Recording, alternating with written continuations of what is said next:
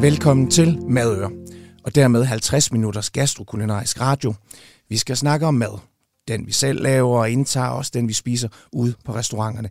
Men i dag lader vi maden træde en lille smule i baggrund og giver plads til den perfekte ledsager til maden, nemlig vin. Min gæst, han er et madøre, det tør jeg godt garantere. Måske også ude i det mellemøstlige, det ved jeg, han har en kæmpe forkærlighed for. Mere om det. Men han er i sand et kæmpe vinøre, hvis der er noget, der hedder det.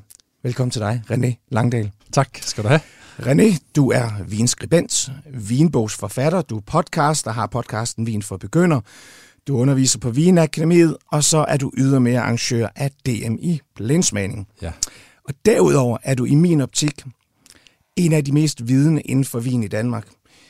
Som en af de få, synes jeg, du har bevaret din nysgerrighed, din åbenhed, og så har du en fuldstændig unik façon til at formidle ofte kompliceret stof, som det jo sagtens kan være i den vinøse verden. Og derfor er jeg også glad for, at du er her i dag til at hjælpe os med at besvare en masse spørgsmål om vin. Dagens mission det er at forklæde alle lyttere godt på, når det drejer sig om vin. Og vi kommer til at dykke ned i en masse forskellige emner, der helt sikkert også skiller vandene. Men må ikke vi alle sammen er en lille smule klogere om forhåbentlig 50 minutter. René, endnu en gang velkommen til. Tak for det. Og så skal jeg selvfølgelig lige deklarere, det er jeres vært. Jeg hedder Mikkel, jeg sidder her. Men jeg er lige på nippet af at smide den sidste af sådan en forårs-efterårs forkølelse. Derfor er min stemme en lille smule ro. Men det kan være, det bliver lavet om på det. Vi skal nemlig også have noget vin i glasset lidt senere. Og René, inden vi rigtig kaster os ud i det, mm-hmm. så får du lige to spørgsmål. Hvad spiser du for tiden, og hvad drikker du for tiden? Altså, jeg spiser utrolig meget mellemøstmad. Ja. Altså, jamen, altså, jeg kan ikke sige sådan specifikt, hvilken råvarer det er, jeg spiser, men, men mellemøstmad, øh, og det kører sådan lidt op og ned i bølger. Mm. Øh, vi, jeg, jeg har været, jeg har været et, et år i kibbutz øh, for mange år siden, ligesom mange var i, i gamle dage efter gymnasietiden, og forelskede mig i området gastronomisk set allerede på det tidspunkt også. Ja. Øh, og det er jeg vendt tilbage til lige i øjeblikket. Så det er de krydringer, øh, både, ur, både urter og, og tørrede krydderier, som, ja, okay. som er fra det område, som jeg sværger til i øjeblikket. Og drikker du så noget specielt dertil for at angive spørgsmål nummer to? Hvad drikker du for tiden? Riesling. Ja. Du, du vidste nok. Ja, det jeg du, du kan jo se, du forventede det. Nej, øh, jamen det er fordi Rieslings øh, forskelligheder, specielt i restsukkerniveau, ja. giver nogle ret store, øh, altså en ret stor spændvidde. Så øh, og, og, og hvor, der kommer, det, jeg tror egentlig, det kommer bag på mange, hvor meget det mellemøstlige, eller de mellemøstlige køkkener faktisk er syredrevne. Ja. Men det er de altså. Øh, og i modsætning til de østasiatiske, som mange jo sværger til i øjeblikket, så er der typisk ikke ret meget sukker inde i billedet. Og det giver altså nogle ret gode muligheder med syrerige druesorter som Riesling. Øh, og lige snart du så får lidt restsukker på, så kan du jo lidt mere bredt set også. Så det passer bare godt til. Så en masse pita, hummus og... Ja og sådan noget rising til. Ja, ja. Der sker Libanesisk messe, øh, sammensmeltning ja. af tyrkisk, persisk, øh, nordafrikansk, berber køkkener. Ja, mm. love it. Ja, men prøv at så er vi allerede lidt i gang. René, jeg har en klar formodning om, at vin det er noget, vi vokser op med, som er med til at forme os og danne os. Og jeg kan lige så tydeligt huske mine første vinminder. Min far havde vinhandel i Hersund, og jeg er flasket op med Bordeaux, og Bordeaux var også noget af det aller, aller første, jeg kan huske.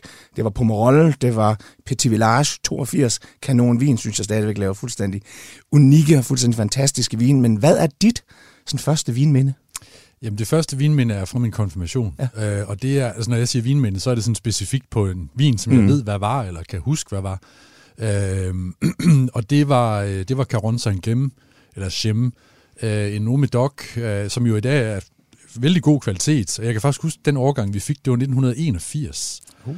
Øh, i sin tid, og det her det er jo en skrækkelig årgang, altså, øh, det, og, og, og den har sandsynligvis været på tilbud i, i Bilka på daværende ja. tidspunkt også. Øh, men der havde jeg læst en lille smule om det, øh, og vidste godt, hvad det var. Øh, ja, og så, har det, så tog det egentlig afsæt derfra. Men jeg kunne ikke lide smagen. Nej, du kunne ikke lide det? Jeg, jeg kunne ikke lide smagen. Men din, men din far var ikke i tvivl om, at det skulle være på det Bordeaux, kan jeg forestille mig? Mm, Eller hvad? Nej, det var han ikke, øh, tror jeg. jeg. Jeg må indrømme, jeg ved det faktisk ikke helt, fordi han er egentlig vokset op med Bourgogne. Øh, det var han egentlig også øh, tilhænger af på det tidspunkt, fordi kort efter, da jeg så begynder sådan at mere at gå op i ja. vin, og begynder at læse om det, så er det faktisk Bourgogne, jeg starter med. Og det, det er på grund af ham eller hans interesse dengang. Så, så Bordeaux stak lidt, egentlig lidt ud men det gjorde det jo ikke. Altså i forhold til dit, øh, din intro også, altså, øh, så passede det jo meget godt med, ja. med, med familien Danmark drak på det tidspunkt. Men hvor meget tror du, det betyder, at man, det, man er vokset op med, det er også det, man drikker i dag? Kan man løsrive sig, eller hvordan er det? Ja, det mener jeg godt. Ja. Det, det mener jeg godt, man kan, og jeg tror faktisk rigtig mange har gjort det. Altså, øh, men altså, jeg har, jeg har jo for eksempel også været langt væk fra Bourgogne, fordi de første år, hvor jeg jo ikke ligesom selv betalte gildet, altså der læste jeg bare om det, og synes, det var helt vildt spændende, fordi det var så mangfoldigt, og sjældent, og på daværende tidspunkt også sådan relativt dyrt, men jo ikke noget, der er i nærheden af det, der er i dag. Nej, nej. Øhm, så var jeg faktisk væk fra det i lang tid. Altså, jeg har jo haft en periode på 15 år eller sådan noget, måske mere, altså hvor jeg egentlig var væk fra, fra Bourgogne, både sådan læsemæssigt interesse, fokus, hvad jeg selv købte, øh, øh, men så er jeg så de sidste 10 år nok øh, vendt meget tilbage til det. Altså, jeg tror egentlig godt, man kan komme væk fra ens barndom, ja. eller ens børnelærdom. Og det, har, og det har jo noget at gøre med, at man skal huske, altså i forhold til vores, for nu fornemmer jeg lidt, at vi måske er startet sådan, ikke, måske ikke helt samme sted tidsmæssigt, men noget, der er tæt på i hvert fald. Øhm, dengang, der, der, der drak man jo ligesom det, man, man lærte at drak, det vil sige, eller drikke. Reelt brugte man jo ikke sin egen smagsløg dengang. Det er lidt en påstand, jeg kan jo ikke vide det. Nej, nej. Men... Men, men, men det er jo sådan, at når man er, som, altså tilbage i 80'erne, er Danmark jo stadigvæk en voksende, relativt ung vinkultur. Ja. Og på det tidspunkt, så har danskerne ikke lært smagen af vin. Vi har ikke lært at drikke vin. Vi har ikke fået ligesom en, en, en udviklet vinsmag. Og med det mener jeg, at alle nye emerging markets, ja. som man siger på engelsk, ikke? Alle starter med relativt frugtrig, sødmefuld vin. Mm. De starter i hvert fald ikke med Bourgogne. De starter sandsynligvis heller ikke med Bordeaux. Øhm, så, øh, så, så, så vi, dengang i 80'erne var vi på et tidspunkt, hvor at, at danskernes vinsmag var jo slet ikke udviklet. I virkeligheden, det der skete op sidst i 90'erne og 0'erne, og til dels også i dag, men i dag bliver det lidt mere bl- blandet op, ja. eller diversificeret, øh, så er det jo et mere reelt billede. Altså et voksende vinmarked starter altid med frugtsød, relativt alkoholrig vin uden kanter. Inden for vins verden er der jo sindssygt mange myter. Mm. Og øh, jeg tænker, vi lige dykker ned i et par af dem her. Fordi mange er måske vokset op med, at god vin er lige med dyr vin. René, bare sådan helt kort fortalt, er der en sammenhæng mellem pris og kvalitet? Ja. Eller sker der et eller andet? Kan man godt finde billig vin, der er god? Der er sammenhæng ja. mellem pris og kvalitet. Ja, det er der. Øh, og det er jeg blevet mere og mere bevidst om faktisk øh, de sidste år. Altså, øh, det kan godt være, at jeg i min egen studentertid havde et eller andet ideal om, at ja, men det kunne sagtens lade sig gøre at finde en rigtig dejlig vin til få penge. Og ja, det kan det også godt.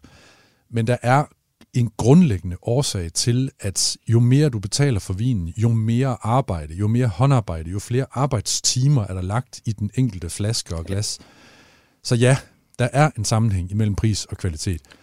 Men selvfølgelig er der mænder. Ja. Der er der masser af mænder. Jeg synes også tit, jeg har hørt dig sige eller skrive det her med, at generelt bliver der lavet bedre og bedre vin derude. Ja. Altså kvaliteten stiger ja. hele tiden. Ja. Produktionsapparaterne bliver bedre og nemmere at tilgå og alle mulige andre ting. Dybest set, så er det jo sådan, at altså, hvis man bare tager den, de ja, 17 år, jeg efterhånden har øh, skrevet for Gastro og været ja. redaktør på vinsiden for Gastro, øh, der øh, alene i den periode er bunden jo hævet. Altså. Men hvis vi går 30 år tilbage, det helt tilbage, da jeg var rigtig grøn på vin, altså der kunne du jo få masser af decideret dårlig vin. Og ja. det vil sige, men det er simpelthen altså også teknisk dårlig vin. Det er simpelthen dårlig vinmageri. Mm. Det kan du jo dybest set ikke finde mere. Nej. Altså, om du går ned på hylderne, og så tager en vin til 50 kroner eller 40 kroner, altså, så er den jo teknisk set i orden. Det kan godt være, at den er kedelig og pjasket og alt muligt, men teknisk set er den i orden. Så bundniveauet er blevet hævet, og det er jo i virkeligheden nok det mest positive i vinens verden, altså udvikling over de sidste mange år. Så hvor finder man så den der vin til 50 kroner, som du siger, der bare er fuldstændig suveræn? Uh, det er jeg sikker på, at der er ja, rigtig mange men lytter, altså, der gerne vil Jamen så, altså, hvis vi er så langt nede i 50 kroner, altså, så, så, kan jeg ikke, så, så, så må det være Spanien. Altså, ja. øh, der er ikke ret mange steder i verden, hvor de formår at få hævet alle de positive elementer fra de dyre vine ned til 50 kroners niveauet. Mm. Fordi hvor end jeg virkelig gerne sætter pris på australsk og chilensk og argentinsk og amerikansk vin og, øh, og så videre i de lave prislejer, så er det ikke der, de er stærkest. Øh, det er det altså ikke. Øh, men det kan spanierne. Mm. De har altså nogle, øh, de har en evne til at få, øh, få intensitet og friskhed, balance og samtidig også spændstighed øh, i vinene, selv i, i ret lave øh, prisniveauer. Og hvad er det? Er det, er det klima, eller er det, øh, det en generationsskifter, eller hvad pokker er det? Begge dele. Altså, ja. klimaet, de har forudsætninger for, altså man kan sige, det er jo et relativt varmt og solrigt sted, grundlæggende i Spanien, uanset næsten hvor du er. Øhm, men, men, så, de, så de har mulighed for at lave ret store mængder. Mm. Så det vil sige, igen, mandetimerne per enhed er lavere øh, end andre steder. Øh, så, så som udgangspunkt kan de lave større udbytter. Ja. Det sænker så prisen. Det er den ene ting. Det andet det er så det her med, at, at øh, som du lige selv sagde, at der i Spanien faktisk er sket, og så noget, det sker jo aldrig. Det er jo det er i virkeligheden så mærkeligt, at man sidder sådan og laver generationsskifter, fordi det er jo en løbende udvikling. Men der er bare en fornemmelse af, at de sidste 10-15 år, så har spanierne, de har stilistisk rykket sig utrolig meget, fordi yngre generationer har taget over for fædrene, og de har altså øh, de har nogle andre præferencer. Mm. Så øh, altså selvfølgelig kan du stadigvæk godt få spanske vine, som er alt for fadpræget, og du kan stadigvæk få spanske vine, som har for høje alkoholprocenter og ja. tunge og, mm. og kogt overmoden og alt det her. Men når vi er nede i det lavere prisleje der, så, så må det altså være Spanien. Så du har ikke sådan lige tippet over alle tip, at når fruen går i Rema 1000 eller Fakta, så siger du altid lige til en, tag lige seks flasker med af den der, vi aldrig nævner navnet på, som vi altid bare har. Ja, jo, det har jeg, men den vil jeg ikke sige. Det vil jeg ikke sige her. der findes en. Der findes simpelthen en. Okay. Ja. den får vi lige, når ja. vi slukker. Ja. Så du sidder ikke kun og drikker store bourgogne nej, derhjemme? Nej, nej, nej, det gør jeg ikke. Altså, øh, hvis, hvis jeg skal se på min, min egne indkøb, ja. altså de sidste år, så... Øh, så er det jo ikke, øh, så er det ikke Bourgogne, og det er det simpelthen af ren af pengemæssige årsager. Mm. Jeg har ikke råd til at købe de vine, som jeg gerne vil have øh, i kælderen. Så øh, nej, jeg har, øh, og det er jo en sund øvelse, apropos dit spørgsmål, at lave den. Altså i virkeligheden kan man gå rundt og have nogle idealer udadtil, synes man selv. Men prøv lige at sætte dig ned og så kigge på, hvad du har købt til kælderen de sidste år eller to. Ikke? Så går virkeligheden op for dig. Jeg har købt, jeg køber tysk Riesling, ja. jeg køber champagne, og så køber jeg italienske øh, toskaner, øh, Sangiovese-baseret. Men i lavere prisklasser. Ikke noget sådan Onalaya-agtigt, eller Bolgeti ude ved kysten og super toskaner og sådan noget, men sådan forholdsvis prisfornuftig øh, Sangiovese. Og så har du heldigvis dit værv, som gør, at du er til bliver inviteret og får lov til jeg at lave smagninger. Ja, ja, ja, det er klart. Og jeg køber jo selvfølgelig også Bourgogne, og jeg køber også dyr kalifornisk og mm. Øh, Barolo og så videre. Det gør jeg da. Men det er bare ikke det, jeg sådan køber til altså seks flasker i gangen til min egen kælder, til egen forbrug. Så er det typisk flasker, jeg køber til et specifikt smagningsformål. Et andet vinfænomen, som vi jo heller ikke kommer uden om, det er den her naturvin, mm. som jo fylder mere og mere og mere. Altså det må den sådan set godt i min optik. Øh, jeg ved ikke, hvordan Bestemt. du har det med, jo, med begrebet naturvin. Helt I min optik synes jeg, at ordet er lidt ærgerligt. Mm. Øhm, jeg kan egentlig bedre lide, at man drikker vin, noget af natur, mm. noget konventionelt, mm. bare det smager dejligt, og det er spændende, og man kan lide det, og så videre, og så videre. Hvorfor tror du, at naturvinen fylder mere og mere, René? Og, eller altså, lad os lige starte med at, lige at bryde den lidt ned, ja. så vi lige får, René, hvad er naturvin? Jamen, naturvin er i idealet vin uden tilsætning ja. af nogen som helst form. Altså i grundideen, så er det umanipuleret vin. Og når jeg siger umanipuleret vin, så er det fordi, at naturvinsproducenterne har den opfattelse, at al anden vin er manipuleret. Ja. Hvilket de godt kan have en pointe i, at det er. Øh, og det kommer bag på de fleste. Men altså udgangspunktet er, at det skal være naturskånsomme metoder, det vil sige økologisk, biodynamisk drift ude i marken, altså ingen sprøjtemidler, naturskånsomme dyrkningsmetoder, men hvad der er allermest vigtigt, når vi snakker naturvin nok mere endnu, det er jo alt det, der foregår inde i kælderen, eller mm. i virkeligheden ikke foregår inde i kælderen. Fordi det handler om fravær af alt, hvad det man så kunne kalde for konventionel vinindustri bruger. Det vil sige fade, ingen af det, alle de her hjælpestoffer og tilsætningsstoffer, som man må bruge til konventionel vinproduktion, det er over 60 forskellige inden for EU, øh, det er det alle steder i verden, øh, det bruger man heller ikke. Mm. Øh, når dertil kommer så også jo et, et, et stilistisk udtryk. Det, må, det kan vi ikke komme udenom, og så nu kommer vi allerede ind på, på noget, som måske kunne ligge i, i dit, din, din årsag til at tage emnet op. Ja. Fordi altså, de, dem, der er vokset op med naturvin, og jeg bliver, jeg bliver ved med at kalde det naturvin, og det gør jeg mest fordi, at jeg synes, begrebet er fint. Det dækker egentlig, altså det gør ikke mig noget, at der er et begreb, som dækker vin, der opfører sig en lille smule anderledes end, øh, en konventionel vin. Det men hvad så med den her svovl her? Ja, men Fordi det, det, er jamen, jo... det er nemlig det, jeg vil frem til. Ja, okay. Fordi ideelt set, så er jeg egentlig også helt på bølgelængde med dig. Jeg vil jo helst have det sådan, at når man lavede, hvis jeg satte mig ned og så lavede en smagning, for eksempel en nørdesmagning mm. af en vinmark i Bourgogne, lad mig sige det, så tog jeg alle producenterne ind i den smagning, og så skilede jeg ikke til, hvordan de var fremstillet. Så handlede det om, at alle vine, de er lavet med forskellige metoder, og det kunne også omfatte noget, der var lavet som naturvin. Mm det er mig imod, altså meget egentlig, det der med, at man sådan holder en gruppering af vin helt ude for sig selv, som noget helt særligt. Sådan var det jo i hvert fald i mange år, i hvert fald i starten af ja. naturvinsbevægelsens øh, udvikling. Ikke? Men, men det gode ved det, og det, det var vi nogen, der allerede havde forudset dengang, at det ville nok moderere sig på et, øh, på et tidspunkt.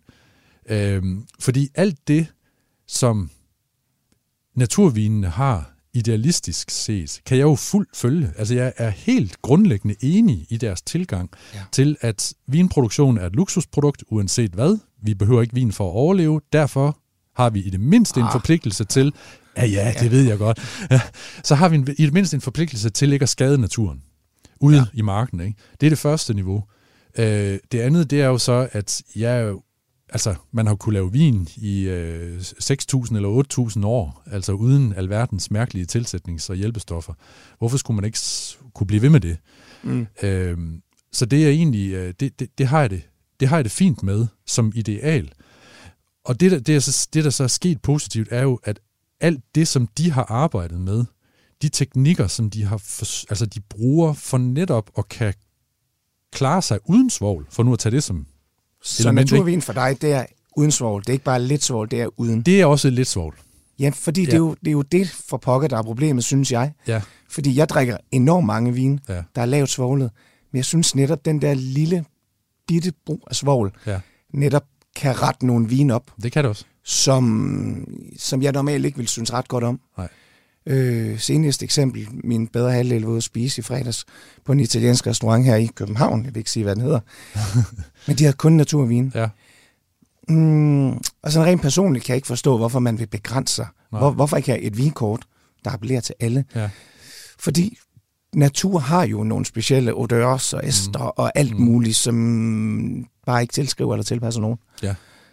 Jamen, jeg, det, det er jeg helt enig i. Mm. Øh, men altså, der, der, der holder jeg mig så til, øh, i lyset af alt den snak, der har været de sidste 10-15 år, hvor vi har snakket om naturvin, hvor alle os, kan man sige, der kommer fra den, så lad os nu bare sige, at jeg så repræsenterer den konventionelle verden, ikke? så alle har siddet sådan, øhm, vi mangler nogle regler, der er jo ikke nogen regler for, hvad der er naturvin, ja. og sådan noget. Ikke?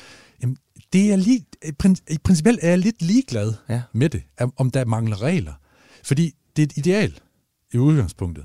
Og så må man prøve at nå så langt hen imod det ideal, som man overhovedet kan. Og nogen kan jo vidderligt lave fantastisk vin uden anvendelse af svovl. Ja. Nogen laver den endnu bedre med tilsætning af 10 mg svovl. Hvorfor så ikke gøre det? Altså, så har jeg det lidt sådan, altså, sulfittilsætning er jo ikke, altså, jeg ved godt, at det er allergen, og der er maksgrænser på, hvad man må anvende og sådan noget. Det er der en årsag til, men små mængder kan ikke øh, være det dårlige. Og det, jeg egentlig vil frem til, det er jo, at de producentorganisationer, der efterhånden er dannet i Italien. To forskellige, for eksempel i Frankrig er der også en eller to, Præcis, ikke? Ja. Øh, og nu er der også kommet øh, appellationsregler for, eller man kan sige statsstyrede regler for naturvin i, i Frankrig. Øh, de omfatter jo, at de har jo en maksgrænse for øh, mængden af totalsvovl i vinene. Ja. De, har, de siger jo ikke, at det skal være 100% uden. Altså, de, man må godt tilsætte en lille bitte smule. Okay. Øhm, og det synes jeg egentlig er fint. Så jeg går øh, typisk frem efter de der retningslinjer, der hedder, der er jo ikke nogen, der kan forholde sig til 30 mg tilsat svovl eller sådan noget, ikke? men det er jo ligegyldigt. Nej. Altså, så naturvindsbølgen er kommet for at blive? Ja, det, det er den. Og, den, og, den. og den får indflydelse i stadig større grad ja. på det, man så kunne kalde den konventionelle. Og det er jo egentlig det, jeg også vil frem til, at det er det, der er sket positivt. Mm. Der er jo talrige, super gode topproducenter i dag, over i det, man så... Ja, nu, altså, det, det, det, lad os bare stadigvæk sige, det er delt i to lejre. Ikke? Ja. Der er stadigvæk producenter over i den konventionelle verden, for det kalder vi det så set fra naturvinsfolkenes side, som jo efterhånden har sænket niveauerne af tilsat øh, sulfit til mængder, som øh, kunne gøre, at de kunne være med i hvilken som helst naturvindsorganisation. Øh, ja. Det vil de så bare ikke. Så nej, det er egentlig det, altså tilbage til det der med, med udtrykket. Fordi altså, det, det er det, der er mig mest imod, altså at, at det ligesom bliver sådan, at øh, hvis jeg kommer med en vin, som opfører sig normalt vinøs, og serverer til dig, ja. og jeg ved, der er ikke tilsat svovl, fordi producenten har været pisse dygtig teknisk til at styre sin vin, øhm, og du så siger, det er ikke naturvin, det her. Fordi det smager jo ikke af eddike, eller det smager ikke af Brett, eller Brettanomyces, så mærkelige ting og sådan noget. Ikke? Øh, så bliver jeg træt. altså, ja. For, og, og hvordan bliver du så god igen? Jamen, så bliver jeg god igen, fordi altså, så skal den naturvinsdogmatikeren øh, lære at forstå, ja. at øh, det er et spørgsmål om, hvad man tilsætter og ikke tilsætter, og hvor dygtig man er som vinmager. Det nytter ikke bare noget. Altså, du kan ikke slippe sted med at sige, at jeg har ikke tilsat noget, og så lave lortevin. Kan stadigvæk huske, selvom det er et emne, som nu bliver taget op mm. øh, i det her program, altså øh, nu, der hvor jeg bor stadigvæk jo, i den nordlige del af Jylland, ikke? Altså, øh, der, øh, der snakker man ikke om naturvin. Det er altså stadigvæk niche. Det er blevet meget bedre, ja. altså på, øh, på, på, på, på naturvinsiden også, og dermed mener jeg det tekniske, altså for 10 år siden, når man gik på, øh, på restauranten, Nynordisk Restaurant, og jeg var også ude at anmelde restauranter her i København ja, okay. på det tidspunkt i stor stil, der har jeg godt nok fået mange vine, som jeg vil sige, i alle andre sammenhænge vil du sige, at det her, det kunne du ikke drikke. Nej. Men det bliver accepteret dengang, ikke? Og det gør, der, der er sket meget positivt. Udover naturvin, så er et evigt tilbagevendende spørgsmål også det her med den nye verden og gamle verden. Vi har lidt været inde på det, at Bourgogne rules the world, og det er vi nok også enige om, der er bare ikke også nogen af os, der har råd til det. Nej. Men hvordan ser det ud med den nye verden? Chile, Argentina og så videre, og så videre. Er det der, man kan finde de her values? Jeg ved jo, hvis du ikke vil sige, hvad din favorit go-to-vin er ja. i et dansk supermarked, vi vil jo gerne have lidt lidt pointers ud af dig, René. Hvor, hvor finder vi value til rigtig, rigtig gode skarpe priser?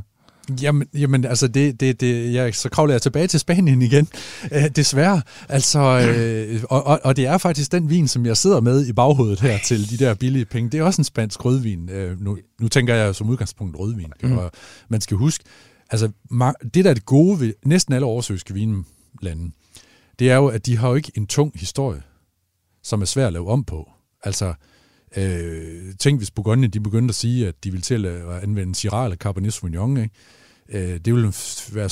Øh, ja, det, det, det svarer til... Øh, der, der bliver lavet et, et eller andet om i kirken, eller i mosetavlerne, eller et, et, et eller andet. Der sker rigtig meget på den front også oversøisk. Og sådan et vinland som Sydafrika, mm. Australien, Chile, vil jeg sådan lige fremhæve som de tre mest udtalte oversøiske lande, hvor der bliver rykket virkelig, virkelig meget øh, i øjeblikket. Det der, det, der bare er problemet, det er, at de interessante udviklinger, der sker, de er hæmmet af to ting øh, på det danske marked, for eksempel. Mm. Det ene, det er, at danskernes opfattelse, bredt set, altså den ikke eksisterende herre for Danmark, ja. Øh, har den opfattelse, at chilensk vin eller sydafrikansk vin skal være på en bestemt måde. Så når nogle producenter der begynder ligesom at sige, okay det, vi kan også lave syrerig vin, vi kan også lave vin med stilke, og vi kan også lave usvoglet vin og sådan noget, så, bliver, så taber de her fra Danmark. Så skulle man så tro, at så er det så nemt nok at få fat i naturvinsfolkene, eller high-end-folkene. Men den målgruppe er så lille i forhold til... Den er lille, ja. og der er en modvilje stadigvæk, irriterende modvilje over for alt oversøisk i den verden. Og det er en anden kæphest, som jeg virkelig også har. altså, det er lige så irriterende, synes jeg, at der i den ende af markedet er en modvilje mod alt kalifornisk, australsk, Sydafrika og ja. Argentina og sådan noget. Ikke? Det, er smal, kender, det er smalsporet. Man kender jo nogen, der bare siger, at jeg, jeg drikker ikke oversøisk vin, ja, ja. det er sådan noget tværskelplader og noget, og, og, og det, er, det er sådan noget marmelade noget. Ja. Er det det? Nej, Nej, selvfølgelig er det ikke det. Altså lige nu, hvor vi sidder her, jeg har lige i formiddags holdt en, en masterclass om australsk moderne udvikling i South Australia. Jeg skal love dig, ud af de 10 vine, vi har fået, altså, øh, der blev i hvert fald de 5-6 stykker af dem, de var altså i en stil, hvor jeg vil sige, det vil jeg uden problem kunne sætte ind i moderne øh, spansk øh, garnacha-smagning, eller Sangiovese Tempranillo for den sags skyld, altså i, i ny, moderne stil. Så der sker rigtig meget. Som jeg også sagde indledningsvis, René, så er du øh, arrangør, medarrangør af... Ja, sammen med Thomas Ilkær. Ja, ja. af DM i blindsmagning. Mm. Og øh, lad os bare lige øh, få det brudt ned en lille smule. En konkurrence om at smage vin. Hvad, hvad er det, i blindsmagning? Jamen, det går ud på at finde ud af, når ikke du kender til noget, du har ikke set nogen etiket eller noget, så skal du finde ud af, hvad for en druesort det er, hvilket land det er fra, øh, hvilken årgang det er, øh, måske lige frem område, øh, distrikt eller appellation. Hvis der er hjælpedruesorter i, altså det kan jo være to forskellige druesorter, ikke? Det skal du også finde ud af. Og hvis du er rigtig, rigtig dygtig, men det skal jeg så lige sige, nu ved jeg, det er noget med, du vidste også skal være med, ikke? Jo. Ja. Øh, altså, man kan også gætte producenten, men det sker så sjældent, fordi det er der ikke rigtig nogen, der kan jo, altså af naturlige årsager. Okay. Ja. Som du øh, lige sagde, så stiller jeg selv op i år i DM i Blindsmanden. Mm. Vi har sammen med min egen lille vinklub, vi har taget små skridt de forrige år. Sidste år var det ikke til at få plads. Jeg tror, det var udsolgt på 7-8 minutter ja, eller sådan noget, var ja, det det? det gik stærkt, ja. Så i år har I udvidet konkurrencen en lille smule? Ja. Ja, vi har lavet, vi har lavet uh, semifinaler. Uh, vi har lavet fire semifinaler. Det lyder så mærkeligt, så burde det jo være kvartfinaler, som mm. man siger. Men vi er nødt til at få lavet en udtalelse, og det er egentlig, fordi vi vil gerne frem til at brede det så godt som muligt ud uh, i landet som overhovedet muligt, fordi det foregår jo af naturlige årsager i København, og det har det gjort alle årene. Vi har holdt det siden 2014. Mm. Øhm, og så vil det alt andet lige blive mest københavner, som er, er med. Og det er klart, der er selvfølgelig også mest kritisk masse, eller flest deltagere her i området. Det er der ingen tvivl om. Men der sidder masser af fynboer og jyder, som også godt kunne tænke sig at være med. Så vi har spredt det ud, så nu er der semifinaler i København, Odense, Aarhus og Aalborg. Øh, og så er det så et, altså et antal deltagere, som går videre til finalen, øh, som foregår i København. Og hvordan foregår det så sådan rent praktisk? Fordi jeg skal jo stille op, så nu må du gerne give mig en masse pointers ja. og en masse gode råd. Jamen, i semifinalen er det jo lidt nemmere. Det skal det jo også være. Ja. så der er kun seks vine. Der er seks vine, Der er ja. kun seks vine. Til, til selve finalen, der er der 12. Så, øh, og hvis du går videre til fin, selve finalen live, i den del på finaledagen, så er der tre yderligere vine. Men hvis nu vi lige tager semifinalerne, så er det seks vine, der skal nejles øh, som præcis som overhovedet muligt. Så bliver ja. der tildelt nogle point, øh, alt efter hvad for et af parametrene man gætter, og det der ligesom er, det vi vægter højst, det er druen. Det er ligesom det, altså man skal belønnes for at kaste sin drue, kan man sige. Så det er det, vi, giver, det, vi giver vi flest point for. 8 ja. point, øh, for eksempel. Er der en hjælpedruesort i, altså en anden eller tredje druesort, så får man to point for det. Øh, man får for land, det giver to point. Øh, regionen giver tre point distrikt eller appellation giver 5 point, og så får man 2 point for årgangen. Og så kan man få 6 point for øh, producenten. Så. Og, og, og det sker en gang imellem, eller hvad? Altså i øh, vores samlede historie, så er det lykkedes for, altså det er en håndfuld okay, det... ud af samtlige deltagere, der har gættet producent. Kan du huske det mest imponerende? Ja, det mest imponerende, det er helt klart, fordi det var simpelthen spot on. Der er altså en gang, at der sket et hold, har nejlet vinen fuldstændig. Helt og aldeles. Og hvad var det for en vin? Det var La Rioja Alta. Øh, deres ja. Gran Reserva. Øh, 2014 eller sådan noget, kan jeg, så vidt jeg husker. Øh, altså en klassisk Rioja øh, fra sådan en super traditionalist øh, producent. Og den blev nejlet af det, det er det hold, som har flest andenpladser. De har tre andenpladser. De har aldrig vundet. de vandt. De fik også andenpladsen sidste år. De, de, de tog den simpelthen. Så jeg går ud fra, at det her det er ikke bare ren gætteri. Det er altså det er ikke gætteri, nej.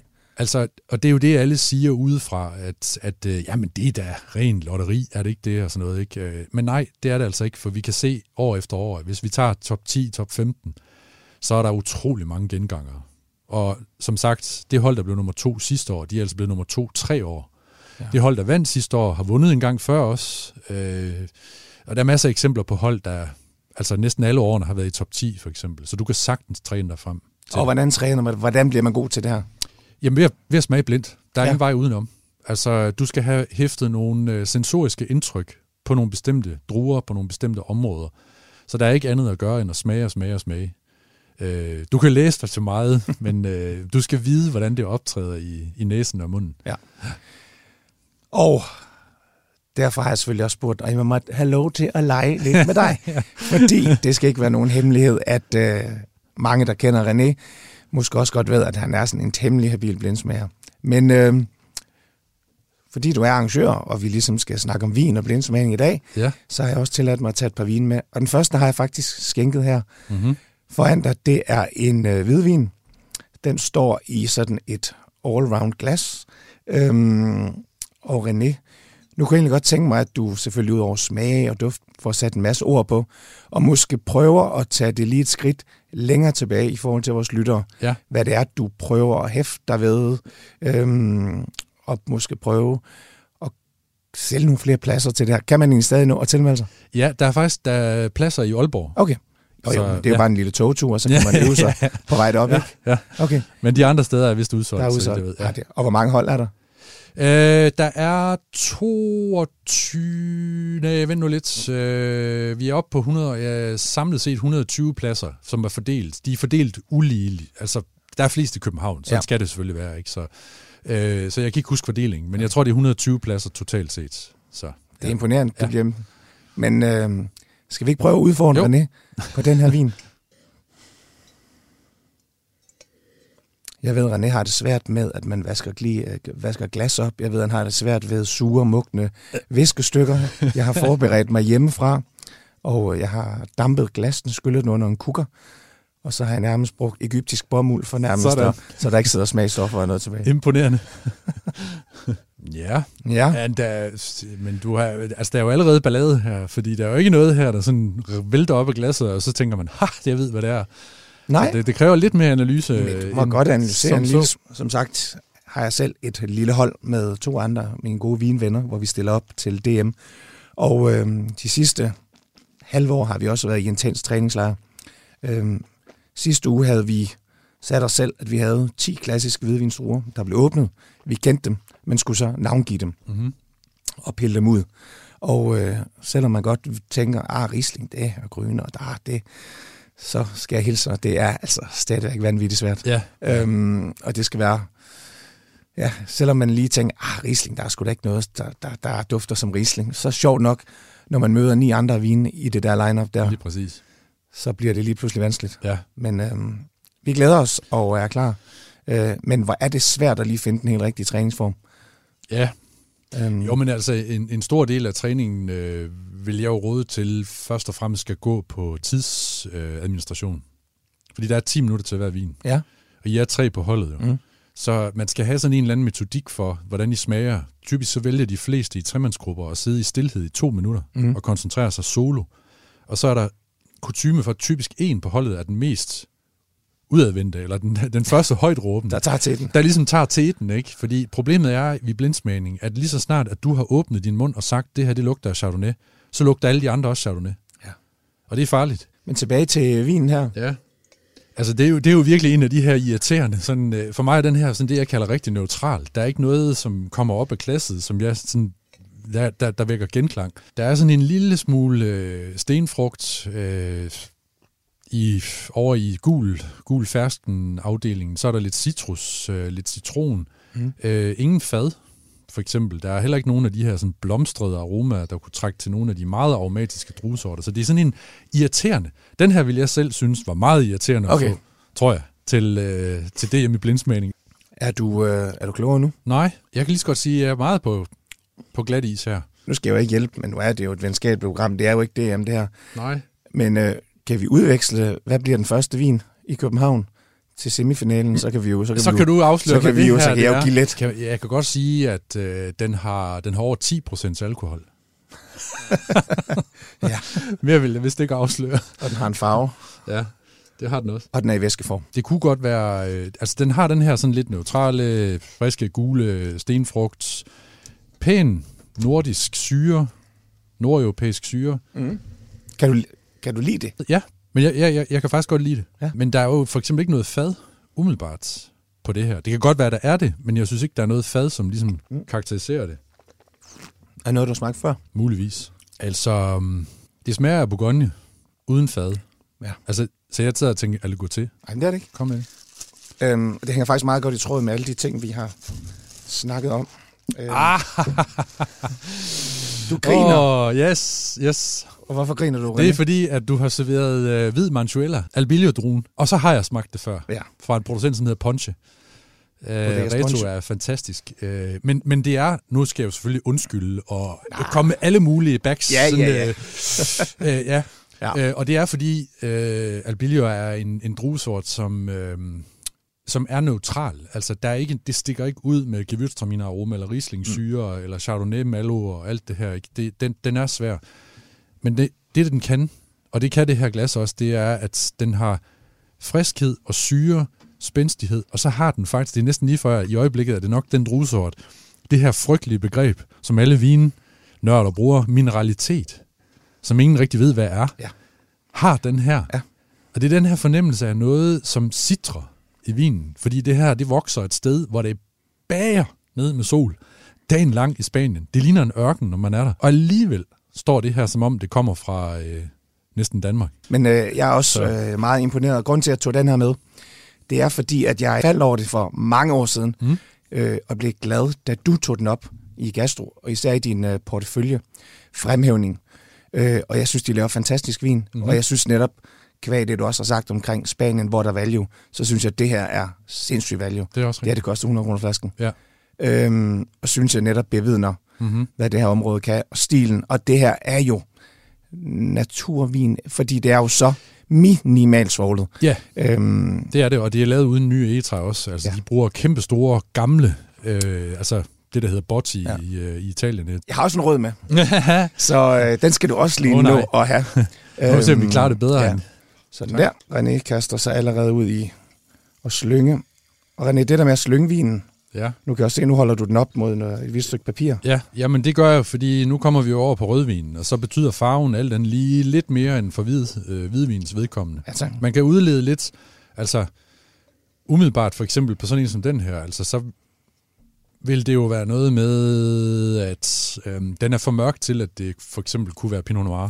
Så på farven, der begynder du allerede at Ja. sådan ligesom, øh, skal man også gøre det til DM? Ja, det synes jeg, det, Ja. ja. kunne, være, det kunne der være god idé i, Okay. øhm, og ligesom bruge udelukkelsesmetoden. Fordi, altså, husk på til DM, vi vil, jeg kan måske ikke helt udelukke Albilia, men det vil alt, nok ikke være Albilia, man vil få serveret der, fordi halvdelen af de deltagere, der sidder der, vil ikke ane, hvad Albilia var. Vi er nødt til selvfølgelig at køre inden for sådan relativt mainstream. Mere klassisk. Øh, ja. Så, Så, så øh, så du, skal ikke sidde, du skal ikke sidde og sortere græske druesorter Nej. fra. Og, ja, det skulle du jo så sidste år godt nok, men... Øh, ja. vi har også kigget på listerne og tænkt, ah, hvad skal vi være stærke i? Hvad er der lang tid siden, de har haft? Skulle vi lige øh, stykke ned i noget suave? Eller ja, ja. skulle vi lige, det er lang siden, de har haft en klassiske sådan fadlærer kava på, eller ja. hvad pokker. ja. Så øhm, Men hvordan er det egentlig at udvælge de her vin? Er det ikke skide sjovt? Jo, det er næsten det sjoveste. Ja. Altså, øh, øh, øh, Thomas Ilkær og jeg, vi sidder hver eneste år og snakker om, at det kunne skulle være sjovt at sidde og være med. Ja. Men alligevel så er det, ah, det er altså, altså det ved enhver, der arrangerer en smagning. Det er næsten lige, altså, om ikke endnu sjovere at stå og være den der, hey, jeg ved, hvad det er. Øh, det nyder jeg også. Ja, Vi dufter til det her.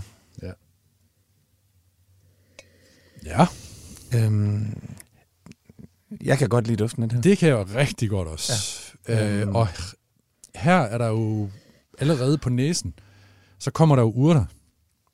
Øh, forstået på den måde, at øh, der kommer et krydderelement fra tørrede urter, som øh, de sidste fem år, tror jeg, jeg har kaldt det vermut-elementer, og det er fordi alle de, igen specielt her i København, går op i vermut. Øh, altså alle de der bitre urter, ja. øh, for eksempel, som er en trend inden for, for rødvinen i øjeblikket også, det er der udtalt her, og det trækker jeg teknisk til noget, der er helt, Mhm. mm. det er helt klasse, der er stilke med i billedet her.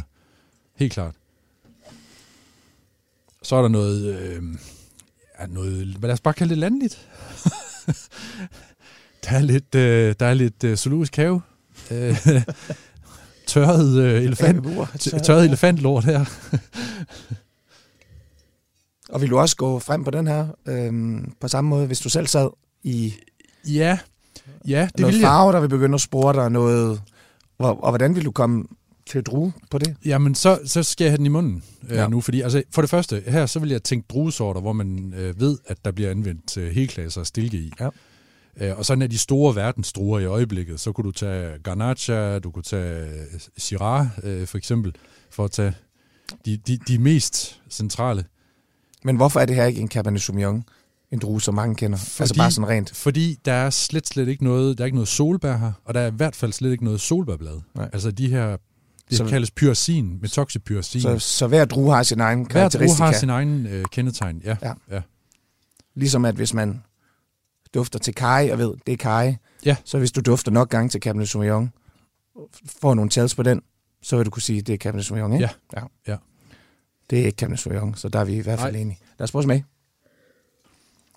grovkornet på den gode måde. Altså rustikvin øh, udtrykker sig klart, øh, sådan at øh, jeg er sikker på, at mange dogmatiske naturvinstilhængere godt vil kunne øh, øh, falde for den her. Øh, den har ikke specielt høj alkohol.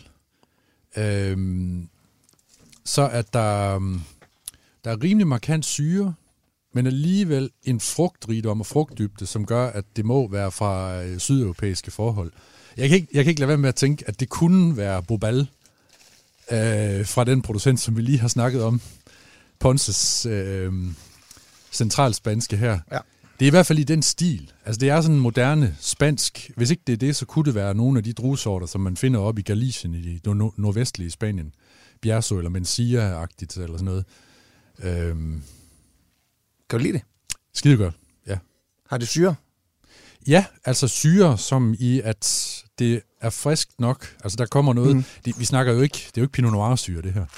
Men jeg, jeg synes, det, øhm, jeg synes, der er friskhed, Ja. samtidig med frugtdybde og frugtmættet stil, som... Så drue? Ja. Skyd. Jamen, jamen så, så, nu er det bare, fordi du har serveret den der, altså. Så siger jeg Bobal øh, øh, fra samme område, Manchuela, Årgang? Centralspanien. Så er det 2019. Du får fra land.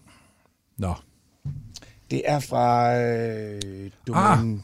Lupier. okay, så det er Det Garnacha. er gammel Grenache-stokke ja. fra. Ja. 17. Øhm, som er sådan, de laver også en, sådan en, hvad hedder de, en, øh, sådan en entry level, Ja. Le terroir, det er det sådan lige niveauet over. Mm-hmm. Øh, jeg har ikke smagt den før, men, øh, men øh, købt lidt af det, fordi det er noget, der er lidt, lidt hyped Ja, ja, og så videre. det Og jeg det. synes, det ligger egentlig også inden for det, vi har talt om netop det her. Det er meget, meget lavt svoglet, ja. Moderne stil, og så er det frisk Ja. og lækkert og saftigt, samtidig med, at det har lidt sådan lidt afstikker til, til både noget pimont, det, det har Mm. lidt af det der viol og rosenblad, Ja. og Ja, Så, fordi øhm, altså, det må være lavet med hele klasser. det er det også. Det er, Ja. ja. Det er det også. Så, øhm, Det er sådan, jamen, altså, der. Så det er noget nordligere end det, jeg sagde i hvert fald. Ja. Ja, men øhm, det er svært det her. ja. Ja, ja. det er det. Og, og bare lige for kort, hurtigt omkring det, i Oh. forhold til det, vi Ja. har i glasset her. Bare lige en pointe her. Det er fordi, at sådan noget vin som det her, det er også, det, fordi den går også lidt tilbage til vores øh, diskussion omkring det med naturvin. Ja. Fordi noget af det, der tit kan ske med de her, som er lavet i den her meget naturlige retning, det er, at det bliver mere metoden, du smager, end selve stedet og Mm. druen, faktisk. Så når man Ja. stikker næsen i det her, jo, altså når man har smagt meget vin med stilker og helklasser i, altså, så er det det første, man lægger mærke til. Men det er der så mange steder, man laver nu. Så øh, Så man det skal her passe man, lidt på, Ja. også nogle gange. Altså, det så, kan faktisk forstyrre stedet. Så hvor meget terroir er der i det her? Kunne man lave det her i Australien? Øh, det kunne du principielt godt. Ja, ikke? Ja, jo. Men det er vel også derfor, det bliver så vanvittigt svært, hvis alle bliver Ja, ja. dygtigere, og Ja, ja, nogen vil lave det der, og nogen vil lave det. klart.